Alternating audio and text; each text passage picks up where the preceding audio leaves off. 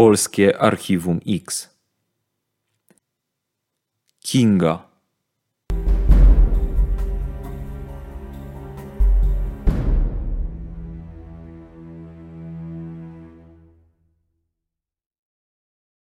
Z sypialni Kingi Wrześniewskiej zniknęło łóżko, pościel, wycięto fragment wykładziny, podłoga została umyta, a przy pomocy szlifierki ze ściany usunięto farbę i tynk. Przed domem rozpalono ognisko, w którym spalono różaniec, kartę SIM, torebkę oraz dwie metalowe miski dla psów. Młoda kobieta zaginęła 13 lat temu, a wiele poszlak wskazuje na to, że została zamordowana. Dziewczyna włożyła do zlewu kawałek mięsa, który chciała rozmrozić. Potem włączyła w telewizji serial W11. W tym czasie do dziewczyny zadzwonił tata. Rozmowa trwała kilka minut i dotyczyła codziennych spraw. Był wieczór 1 kwietnia 2008 roku. Wtedy Franciszek usłyszał córkę po raz ostatni.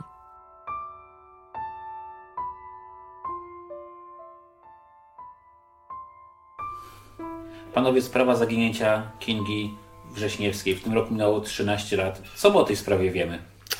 To czy wiesz, Dawidzie, ja powiem, że to była jest chyba moja największa porażka e, taka zawodowa, e, ponieważ no, dla mnie była sprawa oczywista.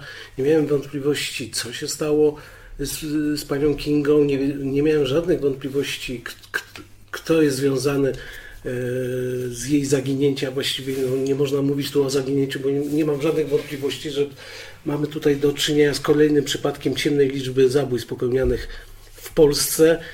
I mimo tego, mimo tylu dowodów takich innych, których jednoznacznie wskazują, co się wtedy wydarzyło e, w ten dzień zaginięcia, czyli na początku kwietnia, 1 kwietnia 2008 roku, do tej pory sprawa figuruje nie tylko, że nierozwiązana, ale żaden z prokuratorów nie wszczął w tej sprawie śledztwa o zabójstwo. Ja się obawiam, że e, czy już, czy za kilka miesięcy te akta sprawy mogą trafić po prostu do zniszczenia, ponieważ no, sprawa była wszczęta o pozbawienie wolności. Jest inny okres przechowywania akt w sprawie zabójstwa, a inny, inny po prostu o te mniejsze czyny.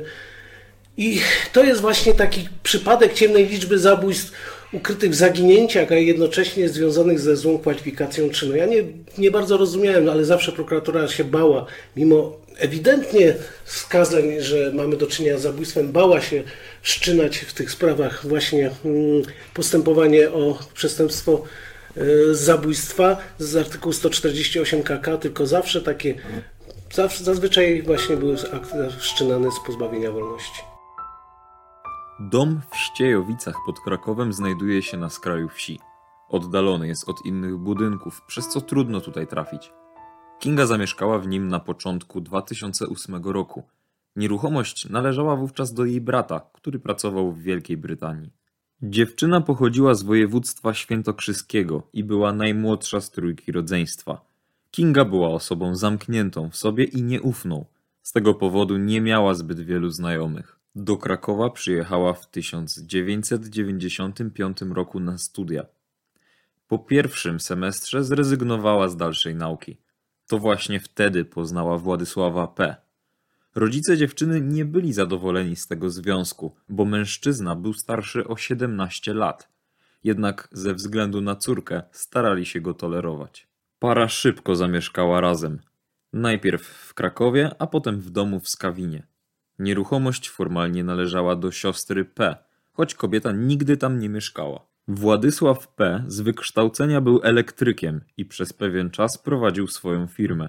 Trudnił się on też przerzutem ukraińskich papierosów na teren Wielkiej Brytanii, co zapewniło mu dodatkowe źródła utrzymania. Z opowieści jego znajomych wynika, że był osobą zazdrosną, porywczą i agresywną.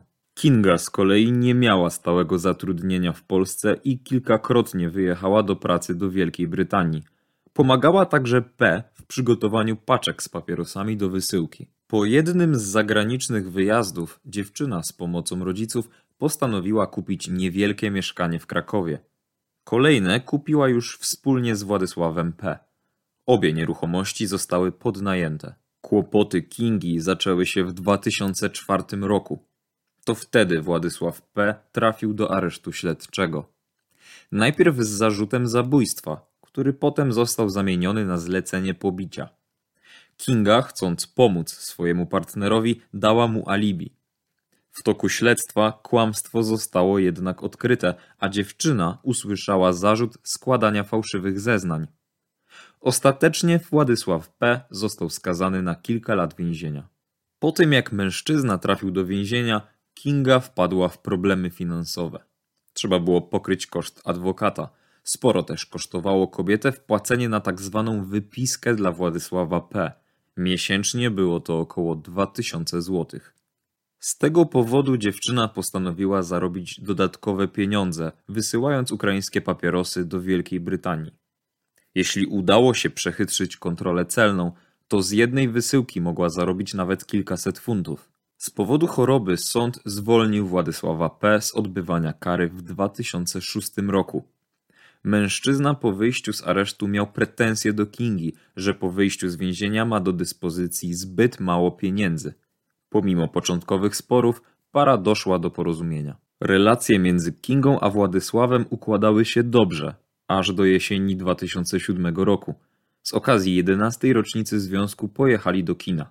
Potem wrócili do domu, położyli się spać, a nad ranem, bez żadnego powodu, jak relacjonowała swojemu bratu kobieta, P zaczął ją dusić. Kinga uciekła na podwórko i zamknęła się w samochodzie Krzysztofa K.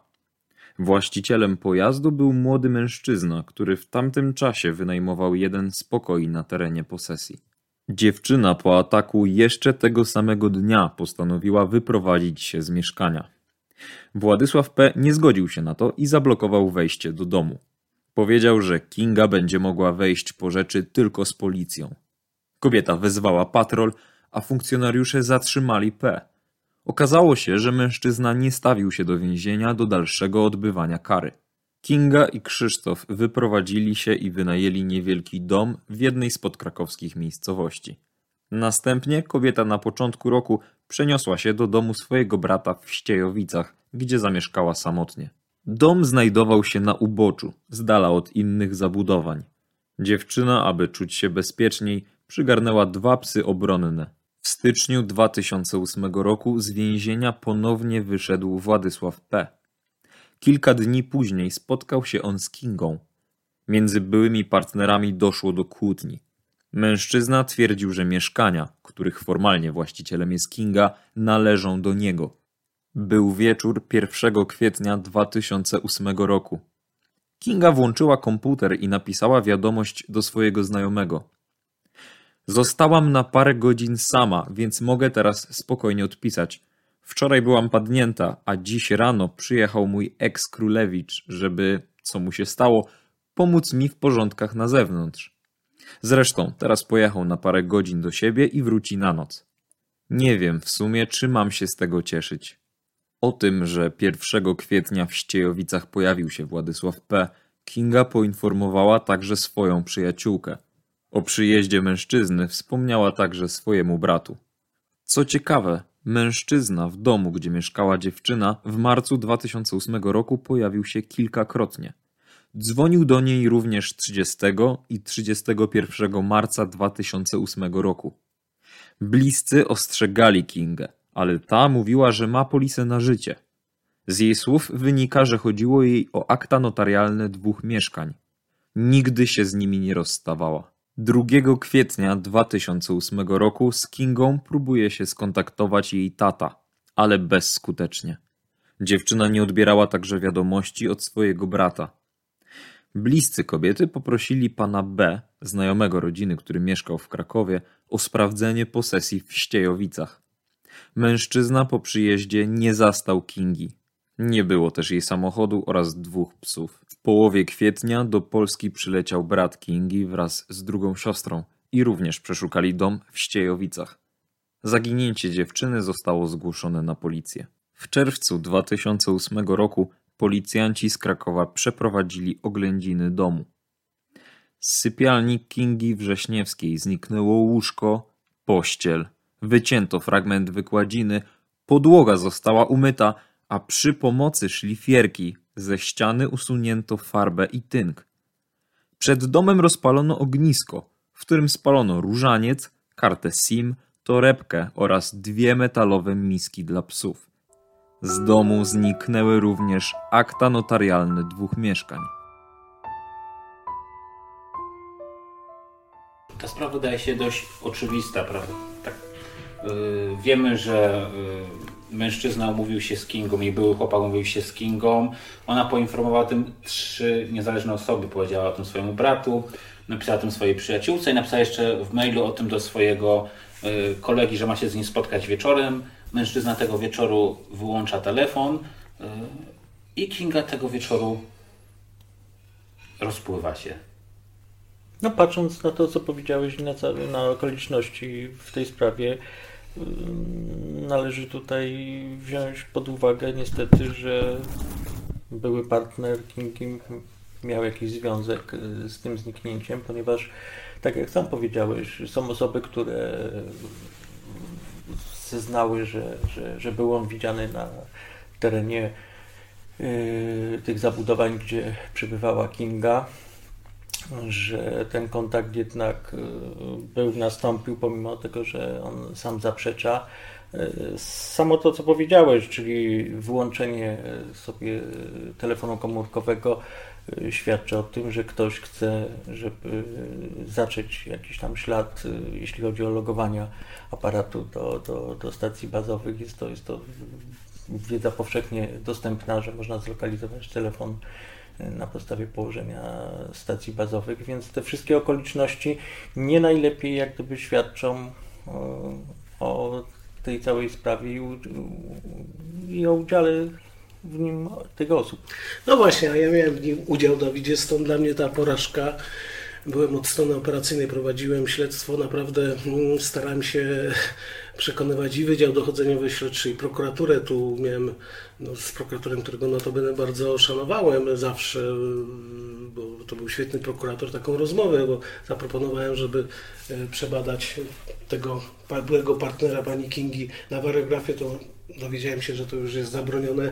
W tamtym czasie już nie było zabronione, rzeczywiście trzy lata wcześniej były takie zawirowania, ale później to wszystko wróciło do normy. Zaproponowałem inne rozwiązanie. To też się okazało, że nie, może, nie można tego zrealizować z przyczyn prawnych. No to jeszcze inne. Kolejnie się nie dało. W końcu spytałem wprost, czy wolno zabijać. Na co dostałem informację, że wiesz Bogdan, w ogóle o tym, na ten temat nie pomyślałem. Także e, ja widzę tutaj przede wszystkim taki, wiesz co, e, po prostu to, co ja nazywam fetyszyzacją śladów kryminalnych, takie zjawisko. Jeżeli nie ma tych takich klasycznych śladów, a później jeszcze opowiem, bo był tutaj ślad, który miał wprowadzić w błąd, nie wiedzieć czemu, Wydział Dochodzeniowo-Śledczy, kiedy nie ma takich typowo, prawda, tych, których nauczane są studenci i później i, i policjanci w szkołach policyjnych, typu linii papilarnych, tych śladów trasologicznych, to po prostu wymiar sprawiedliwości twierdzi, że nie ma dowodów.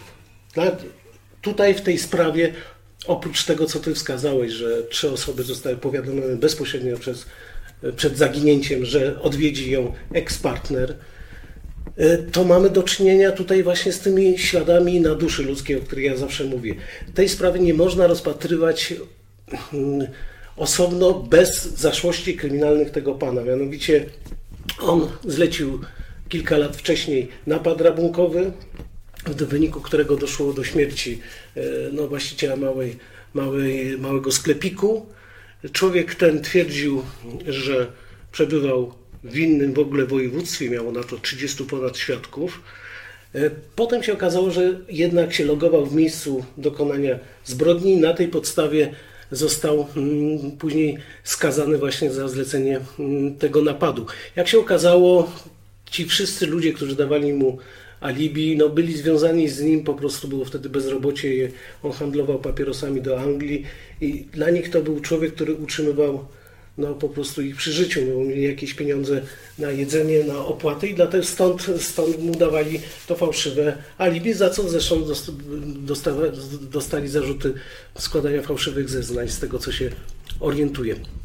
Poza tym ten człowiek kłamał w, od razu w pierwszym rozpytaniu, czy, czy wie co się stało z jego byłą konkubiną, od razu powiedział, że ją widział ostatni raz pół roku wcześniej. Później przesłuchiwany twierdził, że dwa tygodnie czy trzy tygodnie przed zaginięciem, to już same te kłamstwa wskazują, że ten człowiek nie będzie mówił prawdy.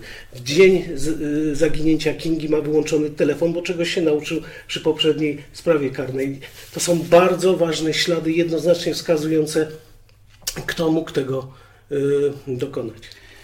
Ja zapytam jeszcze jedną rzecz, Mariusz, bo tak nawet z punktu widzenia laika, tuż po zaginięciu Kingi z jej mieszkania ginie łóżko, ktoś szlifierką szlifuje ściany sypialni, wycina fragment dywanu, czyści podłogi, y, pali najprawdopodobniej torebkę, y, dwie miski po psach, giną psy, ginie samochód.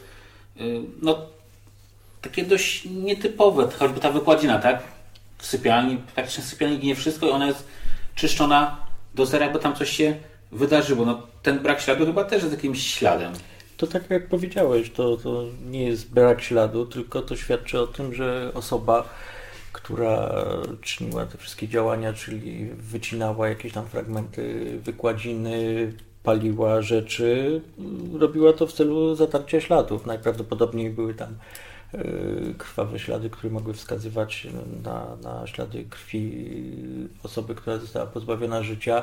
Pozostałe rzeczy, które były palone, także chodziło o to, żeby zacząć ślady. I tutaj to, że tej osoby nie ma, to i ten sposób działania wskazuje nam na to, że jednak została pozbawiona najprawdopodobniej życia w tym miejscu. Następnie zwłoki zostały gdzieś yy, zabrane celem, celem, celem ukrycia.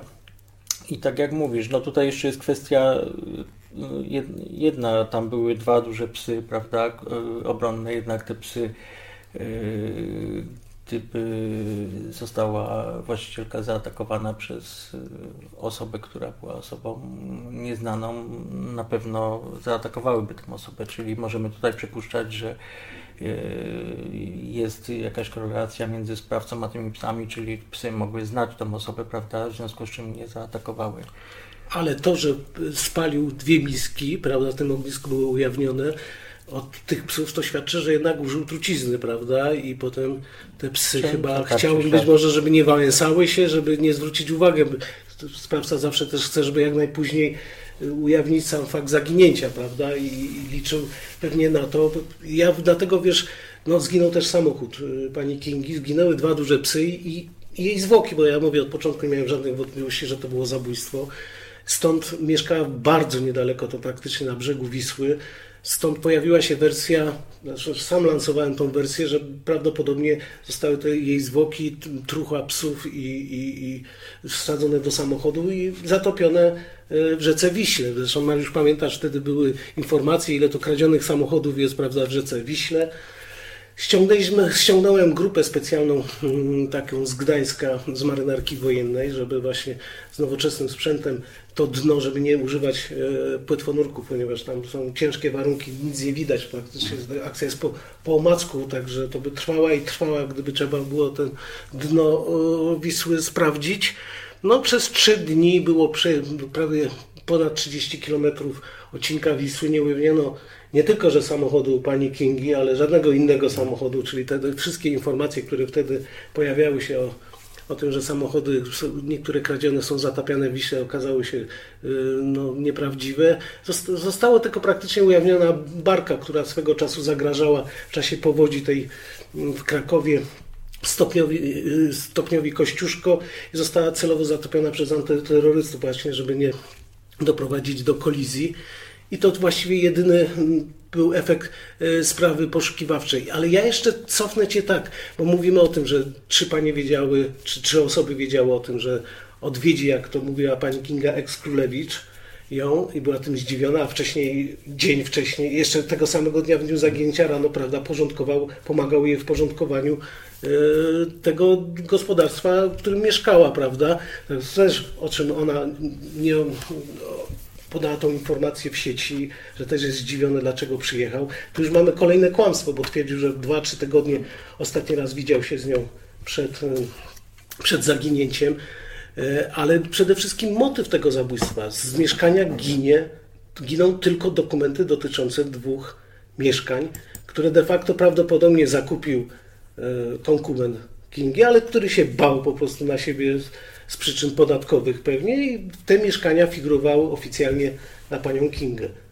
Zresztą po samym, zaraz po zaginięciu pierwsze co robi jej konkubent to wraz z, ze swoim członkiem rodziny i jeszcze innymi nieustalonymi osobami po prostu wchodzi do tych mieszkań, wymienia zamki i, i, i wyrzuca, można powiedzieć, osoby, które wynajmowały to mieszkanie od pani Kingi. Kiedy policja opublikowała informację o zaginięciu Kingi, Władysław P. przekonywał swoich najbliższych, że nie widział dziewczyny od pół roku.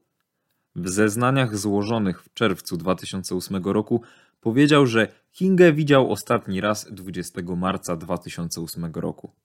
Co ciekawe, w dniu zaginięcia Kingi Władysław P. wyłączył telefon komórkowy. Uniemożliwiło to namierzenie jego lokalizacji.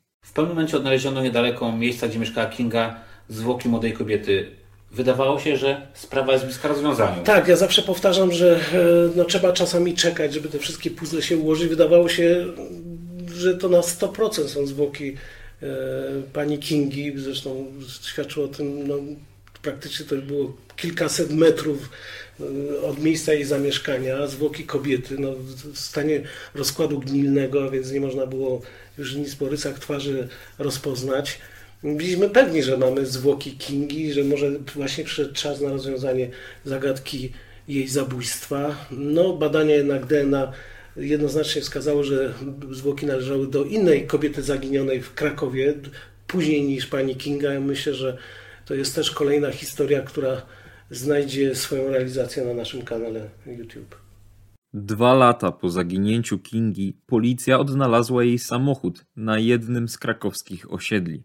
Był porzucony, pokrywały go liście, drzwi do pojazdu były otwarte, a w środku znajdowały się porozrzucane ulotki i śmieci. Zamknięty był jedynie bagażnik. Samochód został zabezpieczony i przewieziony na teren komendy, jednak oględziny nic nie wykazały. Trzeba zwrócić uwagę na miejsce, gdzie został ten samochód porzucony, a mianowicie no, w pobliżu sklepu, sklepu Tesco już nieistniejącego w, przy ulicy Kapelanka w Krakowie, a więc w miejscu, gdzie było takie spotkanie zaraz po tym, jak on opuścił zakład karny, bo myśmy tutaj nie powiedzieli, że w momencie zaginięcia e, Kingi jej eks-partner przebywał na na tak zwanym urlopie e, zdrowotnym, miał przerwę w odbywaniu kary. I tam doszło do sławnej rozmowy, gdzie pani Kinga się zobowiązała mu płacić pieniądze na leki.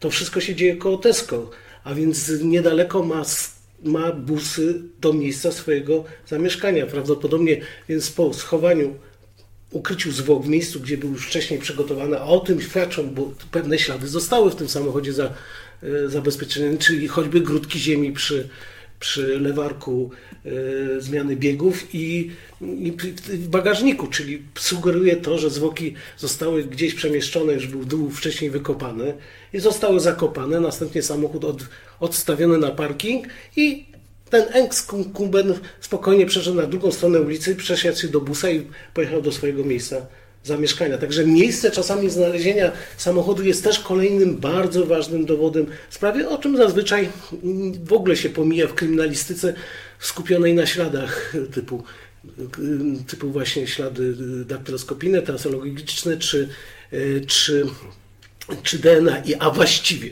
Ja pamiętam, był przewrót, dochodzą językowi, mówi Bogdan, no jest źle, znaczy jest źle, wiesz jakie są ślady zabezpieczone w, w papierośnicy, wyszło, że jeden z papierosów, udało się tylko jedno DNA oznaczyć i to był, to był brat tej pani Kingi. No ja mówię, no ale słuchaj, przecież mamy, ma pewne alibi, był poza granicami kraju, to jest zresztą jego dom, jakie to ma znaczenie? Ale jego ślad został.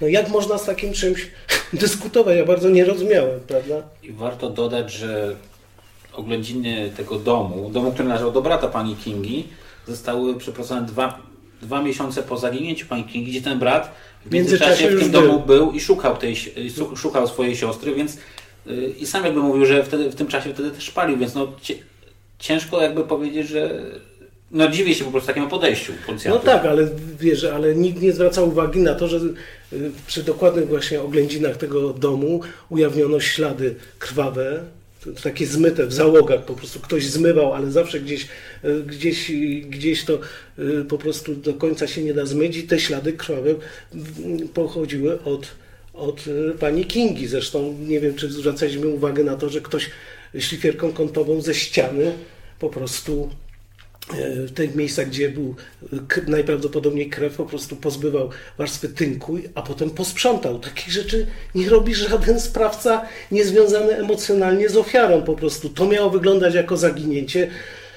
Nie, nie zostawiać śladów, a to jest też ważny świat, że osoba, która dokonała zabójstwa, miała do czynienia już z wymiarem sprawiedliwości, zna, wie jak działa ten wymiar sprawiedliwości oparty głównie na śladach kryminalistycznych i stąd po prostu były te ślady usunięte. Mariusz, 13 lat od zaginięcia Kingi. Yy, najprawdopodobniej dziewczyna została zamordowana.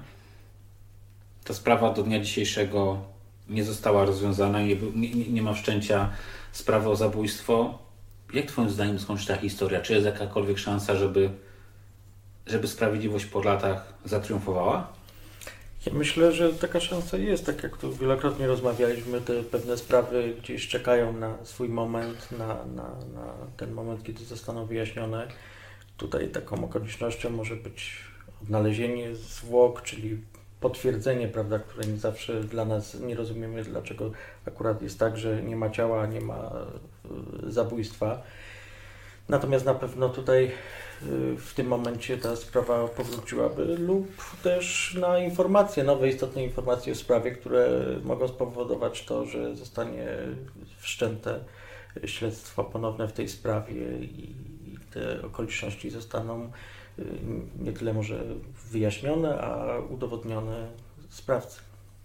W 2021 roku minęło 13 lat od zniknięcia Kingi Wrześniewskiej. Tajemnica jej zaginięcia wciąż czeka na rozwiązanie, a wiele poszlak wskazuje na to, że została zamordowana.